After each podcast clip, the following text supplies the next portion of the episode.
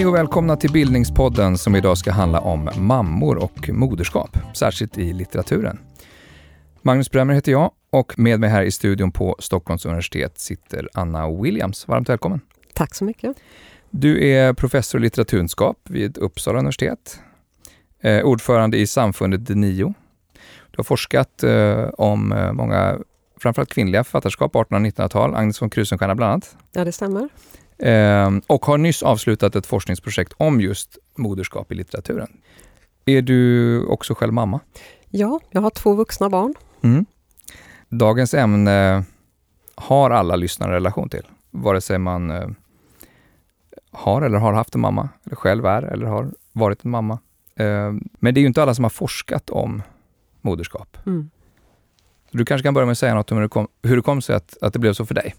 Ja, det var ju så att eh, vi såg, jag och mina forskarkollegor, att det, eh, att det kom ut väldigt mycket litteratur som handlade om moderskap.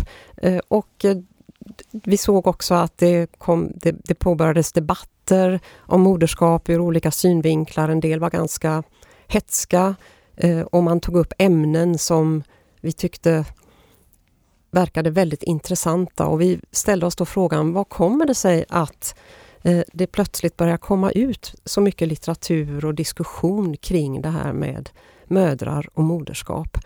Så vi blev nyfikna och då beslutade vi oss för att starta det här projektet som vi kallade för Mamma hur som helst. Mm. Och det gjorde vi just av det skälet som du nämnde här också att eh, fortfarande så är det ju så att oavsett om man är mamma eller inte som kvinna så är kvinnors existentiella identitet kan man säga fortfarande väldigt starkt knuten till hennes eh, kvinnors rep reproduktiva förmåga. Så att det finns som en föreställning om kvinnan som är fortfarande väldigt stark och det tyckte vi också var intressant att undersöka. Är det här någonting som litteraturen förhåller sig till? Mm. Var det så att när du började forska att du upptäckte saker i det här ämnet som um, intresserade dig särskilt eller kanske förvånade dig? Ja, alltså det som jag och vi tyckte var intressant var det här att det, det, vi märkte att det finns väldigt starka föreställningar om det goda moderskapet. På olika sätt så kommer det fram i debatter, i litteraturen, i alla möjliga diskussioner. Men det som var intressant att märka var ju också att litteraturen är ju fenomenal på att granska sådana här föreställningar, ställa dem på ända, ibland förstärka dem men också, inte minst, utmana dem. Och det tyckte vi, där, det var kan man säga en form av resultat också det här att litteraturen presenterar ett helt spektrum av olika sätt att förhålla sig till mödrar, moderskap och det har den ju också gjort i långa tider. Eh, även om man kan väl säga att framförallt under 1900-talet så har det brutit igenom det här med att skriva om moderskap. Och jag tror också att det här att vi ser så mycket litteratur nu under de senaste decennierna som, som handlar om moderskap beror ju också delvis på att kvinnor har kommit in på litteraturmarknaden eh, på ett helt annat sätt än tidigare. Vi har en, ja. och, och, och, är det så att ni tänkte att, att litteraturhistorien kan, kan säga oss någonting i alla diskussioner om moderskapet idag, eller på något sätt kan hjälpa oss att diskutera de här frågorna? Jag tror det, för att går man tillbaka i litteraturhistorien så kan man ju också se hur synen på modern har förändrats och då kan vi också eh, få klart för oss det här att det är en föränderlig identitet. Det, det, det händer saker hela tiden med hur man ser på modern och eh, hur, hur man kan också se hur litteraturen som sagt har utmanat de här eh, bilderna eh, på ett intressant sätt. Det, det har som du, som du sa varit många debatter om, om som kopplat till modersrollen på olika sätt. Eh, varför tror du att de här diskussionerna har dykt upp just nu och så här starkt? Jag tror att det, de, de, de uppstår också just för att litteraturen gör dem synliga. Och eh, litteraturen har svarar ju ofta på saker som händer i samhället. Litteraturen ligger också ibland lite före, eh, kan pröva idéer och tankar som kanske inte har blivit eh, etablerade i de offentliga diskussionerna. Mm. Kan du ge några exempel på vad debatten har handlat om? Ja, alltså det har kommit debatter om frivillig barnlöshet, om ofrivillig barnlöshet. Det har kommit diskussioner om att ångra sitt moderskap. Diskussioner om det jobbiga i att vara småbarnsförälder. Och, eh, men också har man tagit upp då som ett slags mot eh, ett, ett, svar på det här också, lyckan i att bli mamma, att få uppleva den här fantastiska eh, erfarenheten av att både föda barn och sedan följa en människa från födelsen och framåt. Skulle du säga att det, är, att det är ett ämne som har blivit ovanligt känsloladdat i, i det offentliga samtalet jämfört med många andra samtidsämnen? Så att säga? Det har blivit känsloladdat och det tror jag beror på också att det är oerhört starka känslor som, som kommer upp i diskussionen kring just modersrollen. Är det att perspektiven är blir, eh, att det blir polariserat och konfrontativt eller är det snarare så att man vill ändra på uppfattningar? Som är, Jag tror att eh, många gånger så, så är de här utmanande diskussionerna, de blir väldigt provocerande därför att de också snuddar vid de här ideala föreställningar om vad den goda modern är. Mm. Och det blir, då blir det ganska upprört och, och, det blir lätt så att, man, att det blir en polariserad diskussion och, och att man vill så att säga, ge svar på tal. Mm. Vilka är de mest provokativa sakerna som har sagts i debatten då? Eller som i alla fall har spårat till, till Jag tror svar? att en av de mest eh, provokativa sakerna är just det här att ångra sitt moderskap. För att eh, går man in och för en sån diskussion, och det har man ju sett då, då i, i de diskussioner som har kommit upp här, så berör det ju inte bara eh, mamman utan det berör också barnen. Mm. Så att det är många olika personer och erfarenheter inblandade i eh, en sån sak. Mm. Är det även eh, också det här med en liknande diskussion med, med frivillig barnlöshet, att inte vilja bli mamma och mm. att, att, det ska vara okej? Okay? Ja, precis. Och det där är också intressant för att för några år sedan så kom det ut en antologi som hette Ingens mamma.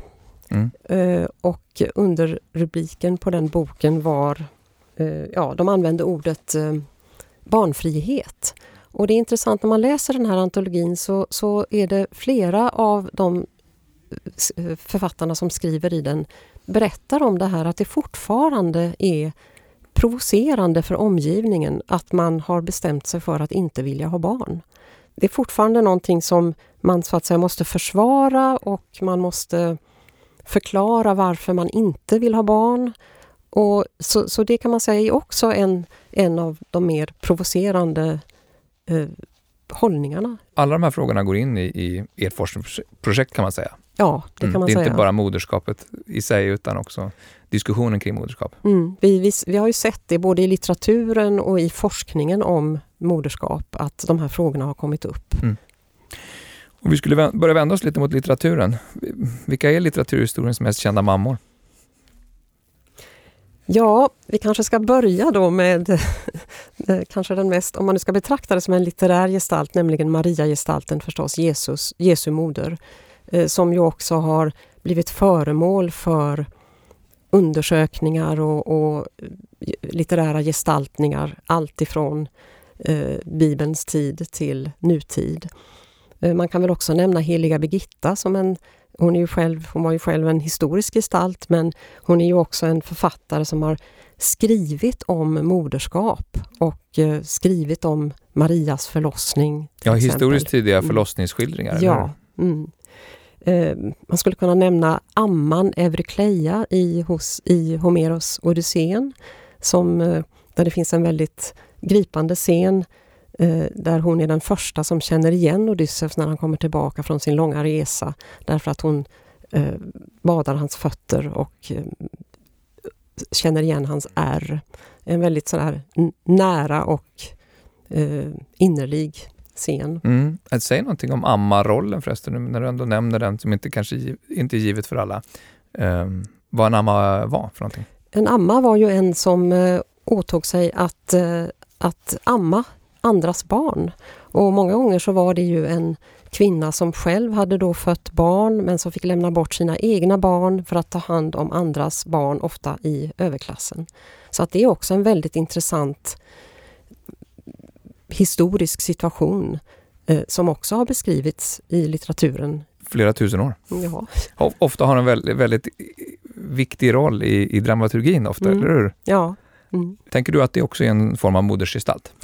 Ja, det kan man väl säga att det är. Och det, det, att vi började diskutera den eh, gestalten var, berodde också på att vi projekt, vårt projekt var ett tvärvetenskapligt projekt eh, där vi också engagerade personer som forskade inom vårdvetenskap och eh, några av dem forskade just om amning. Så att vi kom att föra väldigt intressanta diskussioner om det här, vad amningen betydde och det var också väldigt spännande i projektet för att eh, Eh, de som forskade kring eh, amning, alltså ofta var de barnmorskor i grunden, kunde ju beskriva hur, med, hur man medicinskt ser på detta, hur att det är nyttigt med att amma sina barn och så vidare.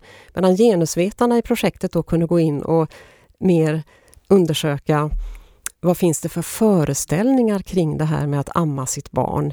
Är det, finns det normer som, som man bryter mot om man väljer att inte amma sitt barn eller om det är besvärligt att amma och så vidare. Men var det så att amman i Odysseen kom in i de här diskussionerna? Eh, jag minns faktiskt inte riktigt det. Men i princip? Kan, ja, i princip. Ja. Mm. And, andra antika mödrar, kanske lika bra att nämna några av dem i det här skedet? Ja, en av de som har starkast har överlevt kanske är Medea-gestalten som ju kommer från en eh, antik myt och som har behandlats i litteraturen i många olika skepnader och den som vi kanske känner mest till är eh, den hos dramatikern Euripides som skrev ett drama som hette Medea där han gjorde om myten eh, i någon mån och faktiskt, den handlar ju då om Jason och Medea som hade gemensamma barn och när Jason överger sin familj för att gifta sig med en kungadotter så hämnas Medea på det sätt som hon, det värsta sätt hon kan tänka sig, nämligen genom att döda deras barn. Och eh, den här myten har ju då återkommit i litteraturen, i konsten, ända in i vår egen tid. Vår, den svenska författaren Sara Stridsberg skri, har till exempel skrivit ett drama som heter Medealand. Och jag tror att Alltså det är ju, de antika myterna har ju en enorm kraft och en, eh, är enormt intressanta därför att de säger någon, viktiga saker om vad det är att vara människa. Och de handlar också ofta om väldigt starka känslor. Känslor som kärlek, svartsjuka, hämndbegär. Och när det då är en kvinna som uttrycker alla de här starka känslorna så blir det också, tror jag, väldigt intressant för litteraturen att utforska det. Du pratade om provokationer i början i samtidslitteraturen. Är det så att det här är den ultimata ursprungliga provokationen? Ja, det kanske man kan säga. Och är det också någon slags ytterlighetsbild till, till just Jesu moder då, som är kanske den allra mest kända i, um, i antik tid? Ja, Maria som är en modersgestalt som underkastar sig Guds vilja och som föder Jesusbarnet som får se sin son dö på ett kors. Uh, och i många avseenden så är hon ju en ideal modersgestalt. Mm. Och, också, så att säga, jungfru. Så ja. det är någon slags renhet i hela Dessutom. hennes roll. Ja. Uh, vi kommer fokusera på, på, på, på, mödrar i, senare i litteraturen. Om du, om du skulle säga vilka, vilka 1900-talsverk, 1800 eller 1900-talsverk som har påverkat synen på mammarollen mest eller utmanat synen på mammarollen mest. Vilka, vilka skulle du nämna då sådär spontant? Jag tänker att några lite mer, alltså om man tänker på 1900-tals mödrar så tänker jag på Sigrid Undsetts Kristin Lavransdotter. Mm. Den, en norsk författare. Den norska nobelpristagaren. Eh, som beskriver eh, Eh, som skriver väldigt mycket om vad det innebär att vara mor och, och, i ganska detaljerade skildringar. Även hon har skildrat en amningssituation till exempel. Och eh, som också skriver om alla de här starka känslorna både i hennes relation till sin man och till sina barn. Eh, jag tror att hon har haft ett stort inflytande faktiskt över eh, skildringar av modern i litteraturen. Jag tänker också på en, en av våra egna författare, eh, Moa Martinsson, som ju skriver på 30-talet i, eh, i sin roman Kvinnor och äppelträd om Sally som föder, en, en av de viktigaste eh, förlossningsscenerna i den svenska litteraturen, som också eh, skildrar denna starka ensamstående kvinna som ensam föder sitt barn på köksgolvet i en enormt eh, gripande och stark scen som är en, en klassisk scen i den svenska litteraturen. Mm. Är det så att det finns manliga författare som har skrivit viktiga eller åtminstone inflytelserika verk i den här historien som du har intresserat dig för? Ja, vi kan ju också nämna Ivar Lo Johansson som skriver Bara en mor, eh, också om en statarkvinna och hennes erfarenheter. Jag tänker om man går från de allra äldsta exemplen som vi gjorde nu till, till mer de senaste århundradena, att det är en historia som blir mer och mer eh, eh, eh, ett ämne som blir mer och mer beskrivet inifrån i takt med att kvinnor, eh, kvinnliga författare blir, blir fler. Ja, absolut. Och det är ju också en erfarenhet som, alltså de författarna skriver utifrån sin egen erfarenhet och sen kan man se i och för sig i litteraturhistorien att under, under lång tid under 1900-talet så beskrevs modern framförallt ur dotterns perspektiv. Men det är också en intressant vändning som man har märkt de senaste decennierna att nu börjar också modern att bli ett eget subjekt i litteraturen som, som vi kallar det. Alltså att man, man skriver berättelser utifrån moderns egna erfarenheter. När skulle du säga i litteraturhistorien att det, att det verkligen blir ett, ett eh, en genre? Eh, mamman som, som berättar sin egen historia. Ja, man kan säga att det stora genom, genombrottet egentligen för de moderna berättelserna om modersgestalten där modern själv är, där, där moderserfarenheten beskrivs ur mammans eget perspektiv kanske har brutit igenom först egentligen under de senaste decennierna. Mm. Så att du har redan nämnt exempel Moa Martinsson och Heliga Vitta för den delen som, som beskriver någon sån åtminstone skriver fram en sån position. Men, men att det är, det är så pass sent som det blir en som det verkligen bred, en bred genre. Det finns ju exempel genom hela litteraturhistorien men det, det, det är någonting som händer här i den senare tids litteratur. Och det, det, finns ju också forskning som visar att eh, modersgestalten har varit, och framförallt den biologiska mamman, har varit frånvarande i den västerländska litteraturhistorien. Och det har man då förklarat dels med att det inte har varit ett ämne som har varit aktuellt i offentligheten. Mm. Det är någonting som man har skrivit om i privata brev eller i dagböcker.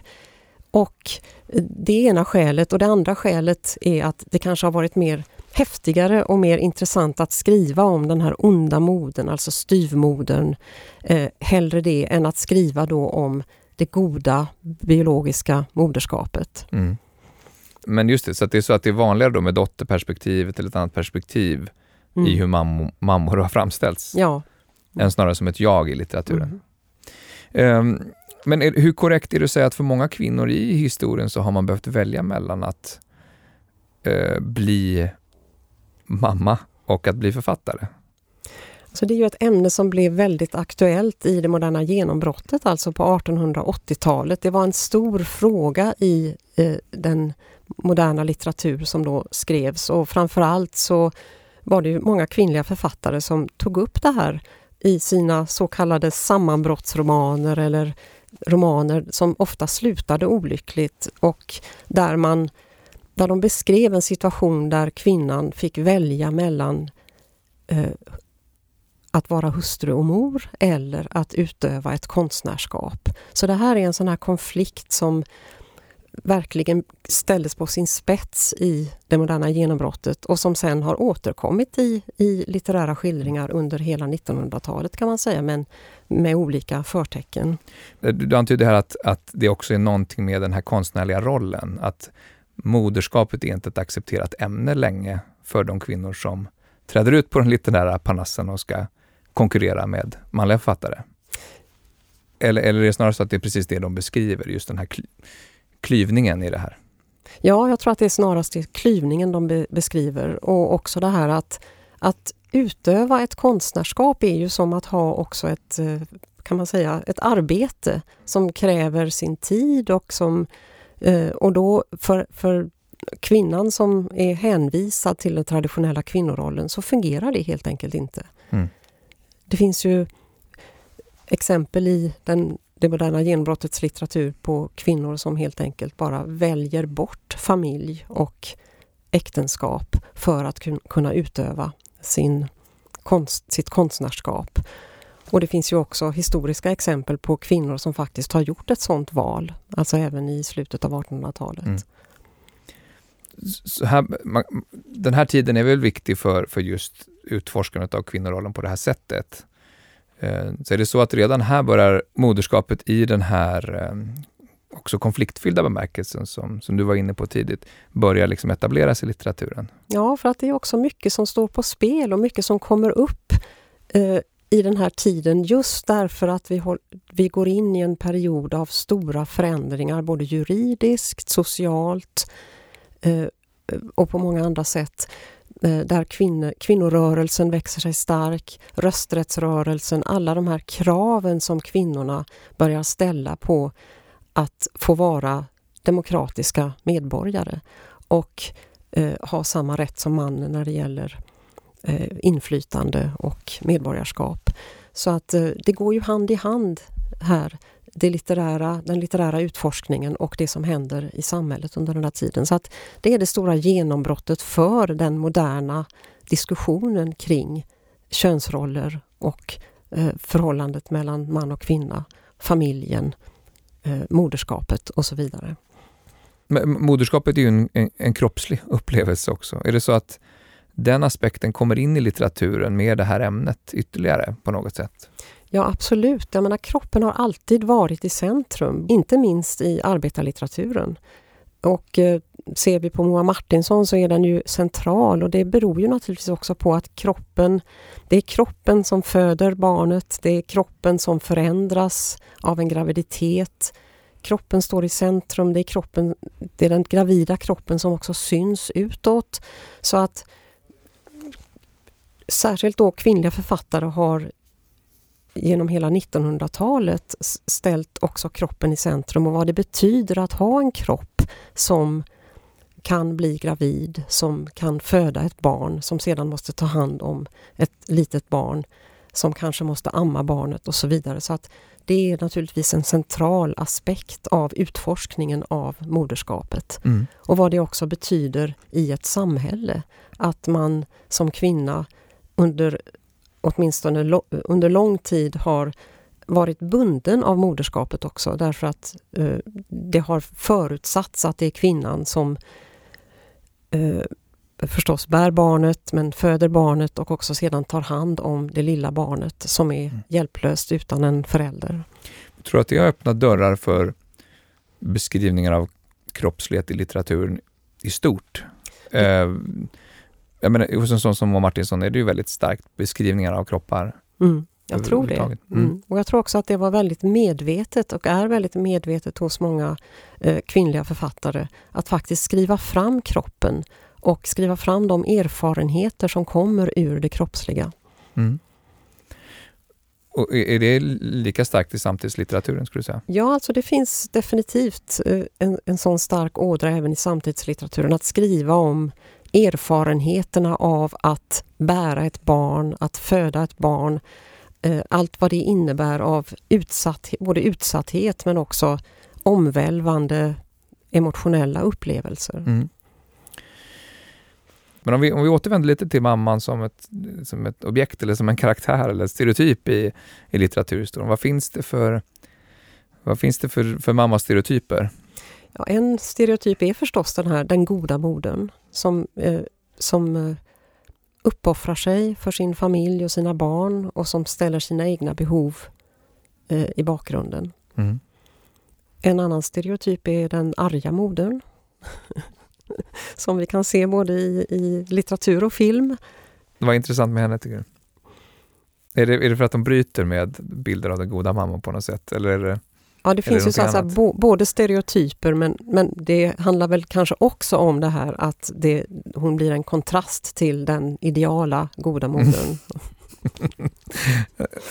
en, en välbehövlig kontrast tänker jag, till den bilden kanske. Men um, är det så att, det, att de där stereotyperna beror också lite grann på de här relationerna som du var inne Du pratade om dot, mor-dotter-relationer eller uh, make och hustru och sådär. Um. Ja, för att många gånger när litteraturen beskriver en modersgestalt ur dotterns perspektiv till exempel så märker man ju också att litteraturen då har ett behov av att frigöra sig från eh, modersgestalten. Och det, vi ser ju till exempel en sån, flera sådana romaner under 60-70-talet när också eh, kvinnorörelsen, den andra vågens kvinnorörelse växer sig stark och när man börjar kräva bättre barnomsorg, bättre föräldraförsäkring och så vidare. Och eh, då uttrycker väl också litteraturen det här behovet av att faktiskt bryta med en modersgestalt som man själv inte vill eh, identifiera sig med. Ett, ett viktigt verk som publicerades eh, 1963 är ju Betty Friedan's bok Den feminina mystiken. Eh, och det var ju en eh, en essä kan man säga som dissekerar myten om den lyckliga hemmafrun. Betty Friedan var ju en amerikansk författare. Och jag tror att den, den, boken har betytt väldigt mycket också för kvinnorörelsen och för litteraturen som, som sedan ägnade sig mycket åt att just dissekera den här traditionella hemmafru-rollen. Mm. Vad säger den här boken? Eh, och den här boken säger ju att den hemmafrun var inte en lycklig gestalt. Hon var tvärtom en ångestfylld och väldigt missnöjd och, eh, och eh, otillfredsställd person. Och att den här myten om att det, det här var kvinnans viktigaste uppgift och Eh, det var, att det var den rollen som hon så att säga längtade till och ville se uppfylld, det stämmer inte. Eh, de, väldigt många kvinnor var, var, var otillfredsställda eh, hade gärna velat ha ett arbete och ha en, en samhällsposition som, där de kände att de kunde få utlopp för sina egna behov och professionella önskemål. Mm. Apropå, apropå mammor och kanske just det här perspektivet utifrån och döttrar, så har ju du forskat om mammaskildringar av eh, alltså i, i invandrade familjer, ma, eh, barn som växer upp i ett nytt land eh, och, och beskrivningar av sina mödrar som är uppvuxna i ett, i ett annat land. Och den här. Kan du säga något mer om vad, du, vad, vad som är spännande med de där relationerna? Mm. Ja, jag valde att titta på ett antal romaner och böcker som handlade om den här erfarenheten av att antingen själv som barn ha följt med sina föräldrar då till Sverige som invandrare eller vara andra generationens invandrare, att föräldrarna så att säga är födda i ett annat land men att man själv är född i Sverige och har vuxit upp då i en familj med invandrade föräldrar. Och Det var väldigt eh, spännande för många av de här böckerna skildrar ju just den här dubbla identiteten. Även om man själv då som barn, alltså föddes som barn i Sverige så ärver man på något sätt den här kluvna eh, erfarenheten som föräldrarna ändå förmedlar genom sina erfarenheter. Och Jag tycker det är så intressant att det här har blivit en väldigt viktig del också av den svenska litteraturen på, på mm. senare år. Att den här erfarenheten har fått ta plats. Eh, det är många som har den och att modersgestalten i de här böckerna också är så viktig. Att det kan vara mamman som har försökt att hålla ihop familjen, som har sett till att allt det praktiska eh, fungerar i en väldigt utsatt situation.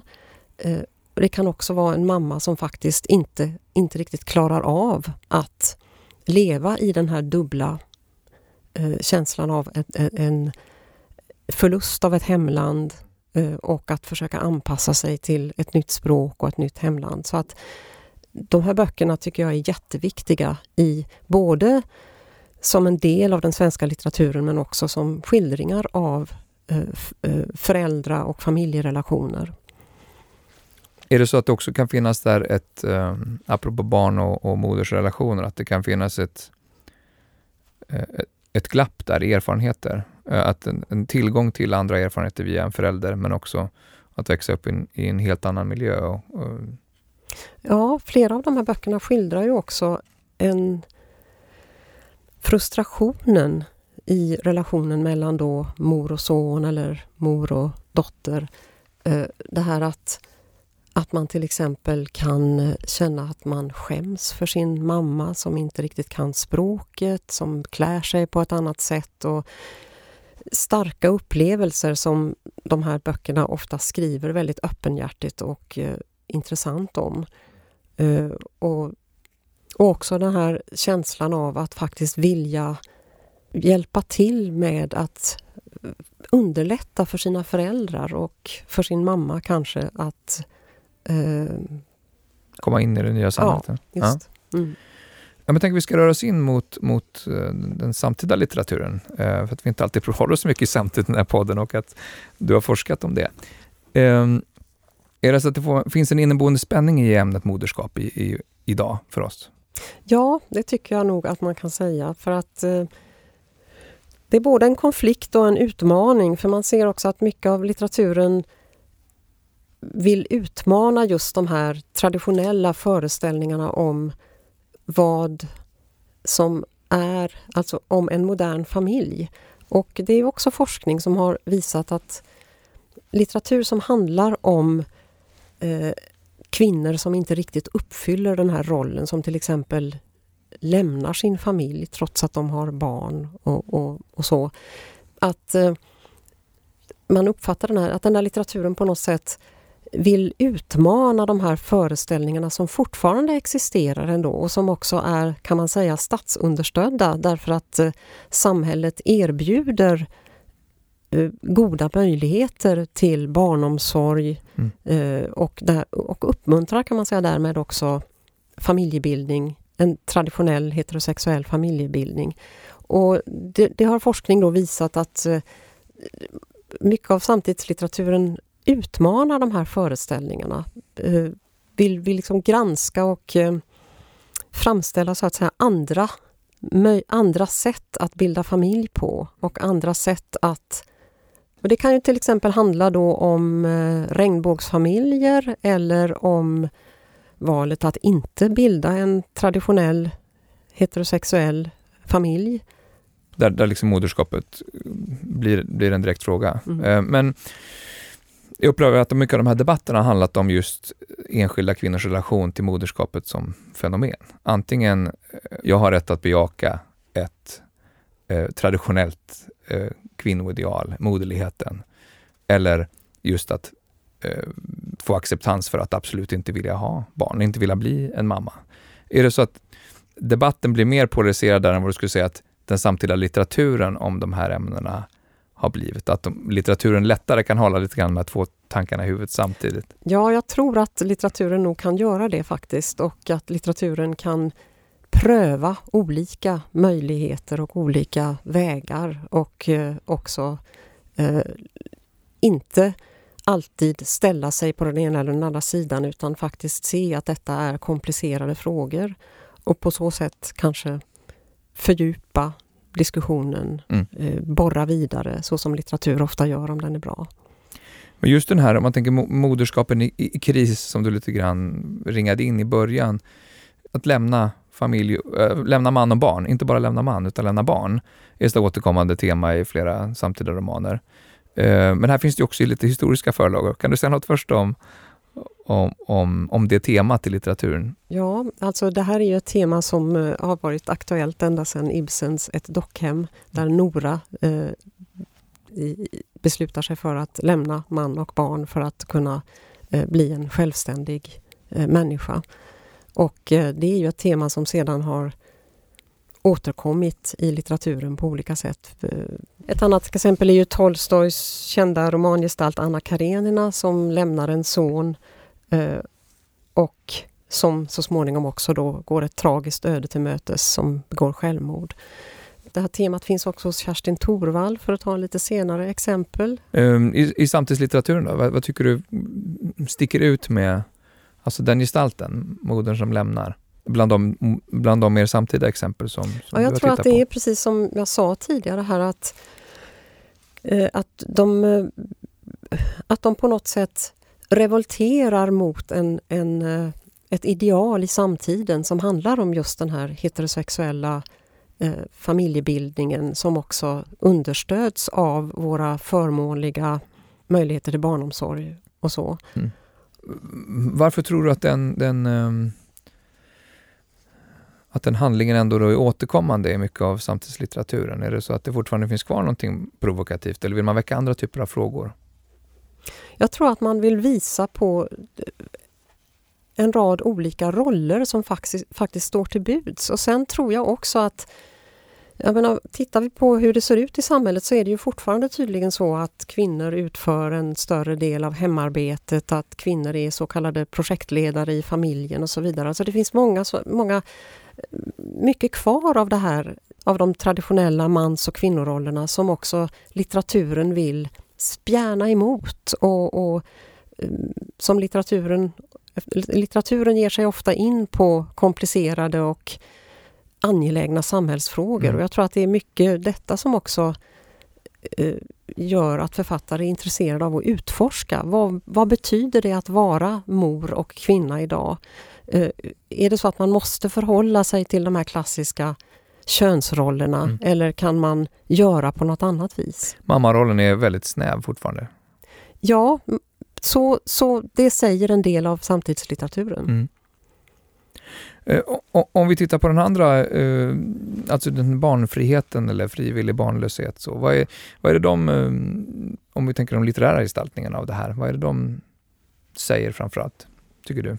Det kom en bok för några år sedan, 2018 tror jag det var om jag inte minns fel, av Sheila Heti som är kanadensisk författare. Som, boken heter Moderskap och där diskuterar hon ganska självbiografiskt sitt val att inte eh, vilja ha barn. Och hon gör det på ett ganska filosofiskt sätt och hon beskriver hur hon pratar med sina vänner och med sin pojkvän och, och beskriver också på ett ganska ingående sätt hur det här är någonting som fortfarande inte är ett lätt val. Dels på grund av att hon själv kan känna tvekan och att hon eh, står mellan de här två, det här valet och det börjar också vara så att den biologiska klockan tickar. Att vill hon ha ett biologiskt barn så måste hon bestämma sig. Eh, och hon eh, lyssnar också då på sin omgivning där där många ju lyfter fram den här frågan att om du inte nu skaffar barn så kommer du kanske ångra dig. Och alltså att, man står, det, det är ett, att det är ett existentiellt val som handlar både om den rent privata och personliga existentiella erfarenheten men också om samhällets förväntningar på mm. en som kvinna. Är det så att liksom litteraturen synliggör och gestaltar det här sociala trycket som kan uppstå? Jag tror litteraturen har en, om det är bra litteratur så har den en enormt viktig förmåga att faktiskt beskriva det här på ett nyanserat sätt och borra i olika, på olika håll för att komma åt just det, det, det här komplicerade växelspelet som det faktiskt handlar om. Mm. Det finns ju också en, en uh, lite nykonservativ ny, ny, trend i, i, i många samtida diskussioner idag och där moderligheten har väl blivit, har väl också haft en sån, en sån sida i debatten om just att bejaka just en väldigt traditionell moderroll. Varför tror du det dyker upp nu och vad, vad tycker du är intressant med den diskussionen?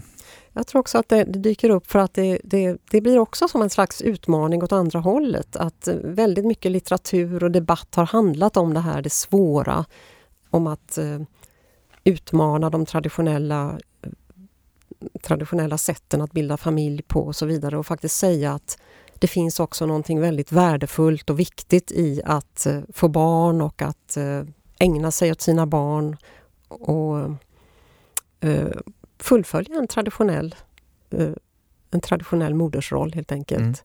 Finns det exempel där i, i samtidslitteraturen eh, som går mer åt det hållet? Eller är det så att det huvudsakligen handlar om att fortfarande utmana en snävare mammaroll? Eller? Ja, det finns några exempel i samtidslitteraturen också på, på där man vänder sig mot detta. Och framförallt så tror jag det kanske handlar om också att man ser det som att vi lever i en väldigt individualistisk tid. Där man sätter sitt egna jag i första rummet och ingenting får inkräkta på mitt behov av att fullfölja mina drömmar om arbete, relationer och så vidare. Och det är klart att att få barn innebär ju att mycket av detta ställs på ända. Att man helt enkelt måste ställa någon annan i första rummet. Och det, i diskussionen ingår ju också det här att ja, det kanske inte är fel. Det kanske också är så att man lär sig väldigt mycket av att behöva ställa någon annan i första rummet och själv ta ett steg tillbaka. Kan, kan modersskildringar där också säga någonting om föräldraskap generellt? Um, att det här är någonting som, som kan vara möjligt att identifiera sig med oavsett om man är mamma eller, eller, eller en annan form av partner? Ja, det tror jag säkert. Det, det, så är det ju i, i, väldigt, i många av våra mänskliga relationer så handlar det om ett givande och ett tagande och att faktiskt se sig själv i andra och försöka se andra i sig själv. Och det är ju ett förhållningssätt som kan appliceras så att säga både på relationer, relationen till en kärlekspartner eller till ett barn eller till en förälder. Mm. Och är det så att pappaskildringar har dykt upp i ert forskningsprojekt på olika sätt? Som, som jämförelse eller som i något annat, på något annat sätt? Ja, alltså pappaskildringar har ju också kommit under de senaste åren och det tycker jag det är också ett tecken tror jag på. Jag menar, vi har, papper är också hemmapappor idag eh, i vårt samhälle och eh, det är inte så konstigt att också de, den erfarenheten börjar skildras i litteraturen. Om vi ska vara ännu lite mer konkreta, är det så att det finns några särskilda författare, författarskap som du tycker har sagt extra viktiga saker om, om moderskap idag eller formulerat saker på ett särskilt bra sätt? Ja, jag kommer att tänka på Sara Stridsberg som ju har skrivit mycket om moderskap i flera av sina romaner. Hon har också formulerat det här i en intervju, tror jag det är, på ett eh, fint sätt. Mm. Det är ett extremt beroende och samtidigt en exceptionell livsavgörande kärlek. En spelplats för människan som sträcker sig efter en annan människa i mörkret och hoppas att det ska vara någon där. Vad, vad, vad, vad, tänker du på när du läser det?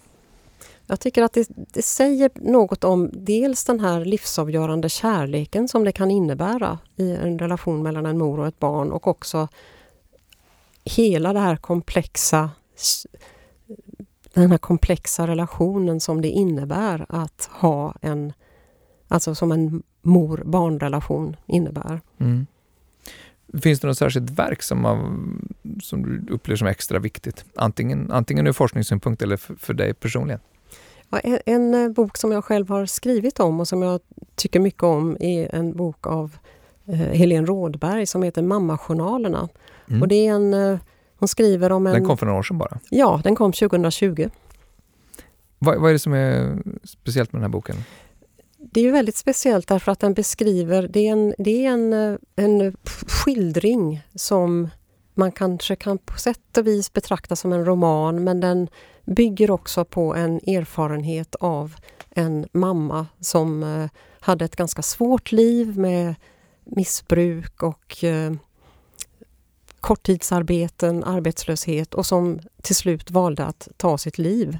Och och därmed överge sina barn på det mest eh, avgörande sätt som man kan tänka sig, eller definitiva sätt som man kan tänka sig. Det här är lite en bland eh, hybridgenre också mellan självbiografi, roman och essä. Ja, alltså Helene Rådberg lägger ju in här också då autentiska patientjournaler. Hon lägger in minnesfragment från vänner till Barbro som hon heter, den här mamman i boken. Och, sin, och berättaren Helens egna erfarenheter och hennes historia med sin mamma, så att säga. Mm. Eh, så att det är en, en hybridform som, som är intressant just därför att den också då bildar ett väldigt mångsidigt... En, den, den ger en väldigt mångsidig bild av den här mamman Barbro. Just för att flera röster får komma till tals. Så att det hade blivit en helt annan historia tror jag om enbart eh, berättaren Helen hade eh, berättat sin historia. Det Mm. lägger till någonting viktigt det här att det finns andra röster som också får berätta om Barbro, hennes egna brev och egna eh, anteckningar finns också med i berättelsen. Så, så jaget i boken intervjuar människor om, om sin mamma. Hon läser hennes brev. Men det är så också att hon eh, på något sätt vad, vad, vad, bearbetar det här jaget i övrigt i den här rel- mammarelationen. Ja, jaget i boken är Helen som eh, saknar Helen Rådbergs sista E i förnamnet. Mhm, mm. Så att eh, det är en... eh, Och, det, och Helen berättar då om sina egna erfarenheter av sin mamma redan från början men också in i sjukdomen och alla de svårigheter som den här mammagestalten eh, som händer den här mammagestalten. Men sen berättar hon också om sin egen eh, familjehistoria. Så att hon går tillbaka också och, pr- och pratar om sin mormor och sin mormors mor. Och det här är också intressant därför att det är också ett stråk i mycket mammalitteratur på senare tid. Att man faktiskt lyfter in generationsperspektivet och visar på de här spåren och trådarna som löper tillbaka i historien och hur beroende vi faktiskt är också av vår historia för att förstå vilka vi själva är. Och det tycker jag är en sån viktig del av den här boken också, att hon beskriver en hel kvinnohistoria bakåt i tiden också, och som säger någonting om den Helen som vi möter då som är berättaren och som eh, använder historien för att också förstå sin egen sin relation till sin egen mamma. Är hon också mamma, Ja, Helene, i Mm, boken? Så ja. att är, det så att det också blir en dimension i det här? det, det, det är en dimension som inte skrivs fram särskilt mycket men den finns där definitivt. Hur, hur då? Ja, att hon nämner det här att eh, vid något tillfälle, tror jag, om si, sina egna barn. Det är inte så konstigt att det väcker tankar om, om den egna eh, föräldrarollen när ens mamma har, har dött på det där sättet förstås. Och det är också intressant att det har tydligen tagit många år att skriva den här boken och publicera den här boken. Eh, närmare kanske 30 år efter det att eh, Barbro tog sitt liv. Mm. Så det har varit en lång process att bearbeta den här traumatiska upplevelsen. Mm. Du som har det här väldigt breda perspektivet över litteraturhistorien på det här ämnet. Vad tycker du att just den här boken eh, säger på ett särskilt intressant sätt kanske om, om mammarollen? Jag tycker att det är väldigt intressant att den säger någonting om hur viktig mamman är.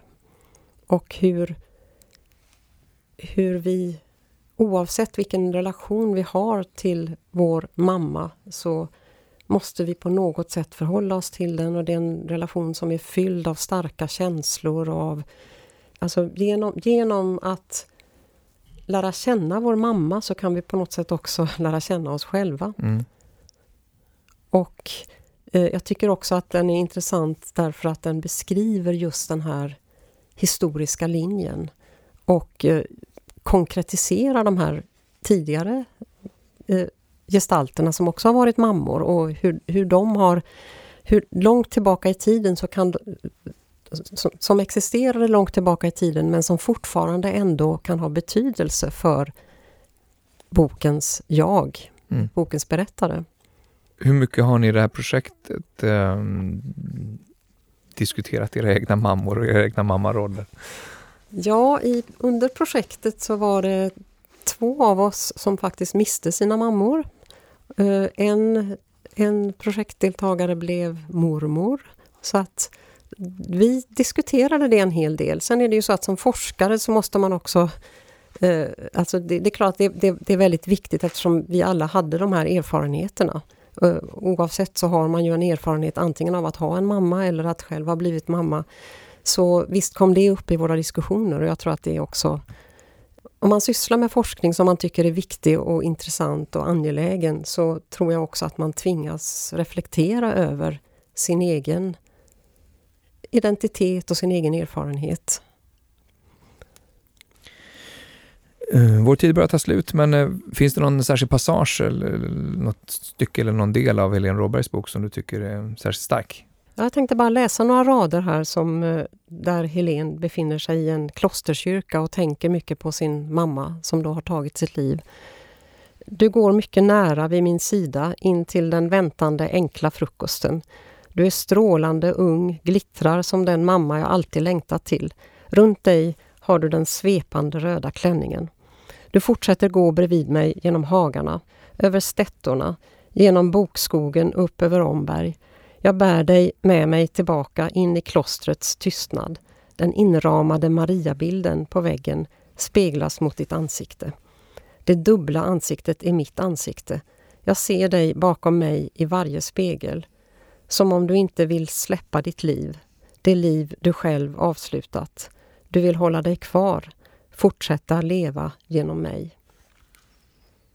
Är det som att uh, mamma blir närvarande för henne i, i det här klostret på något sätt? Mamma blir väldigt närvarande där i den situationen och jag tycker också att den här lilla episoden skildrar så fint det här med hur mamma, mamman då lever vidare i Helen och hur det är en ständigt pågående relation även om den rent fysiskt här är avslutad. Och det, det är ju också boken mm. ett bevis för.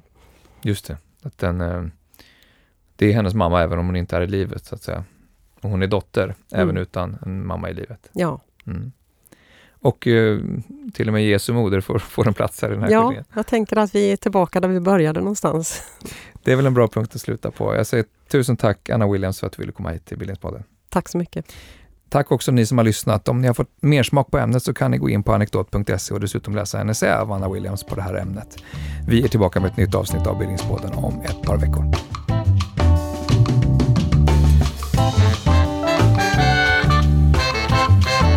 Du har lyssnat på Bildningspodden, en del av bildningsmagasinet Anekdot. Fler poddar, filmer och essäer hittar du på anekdot.se.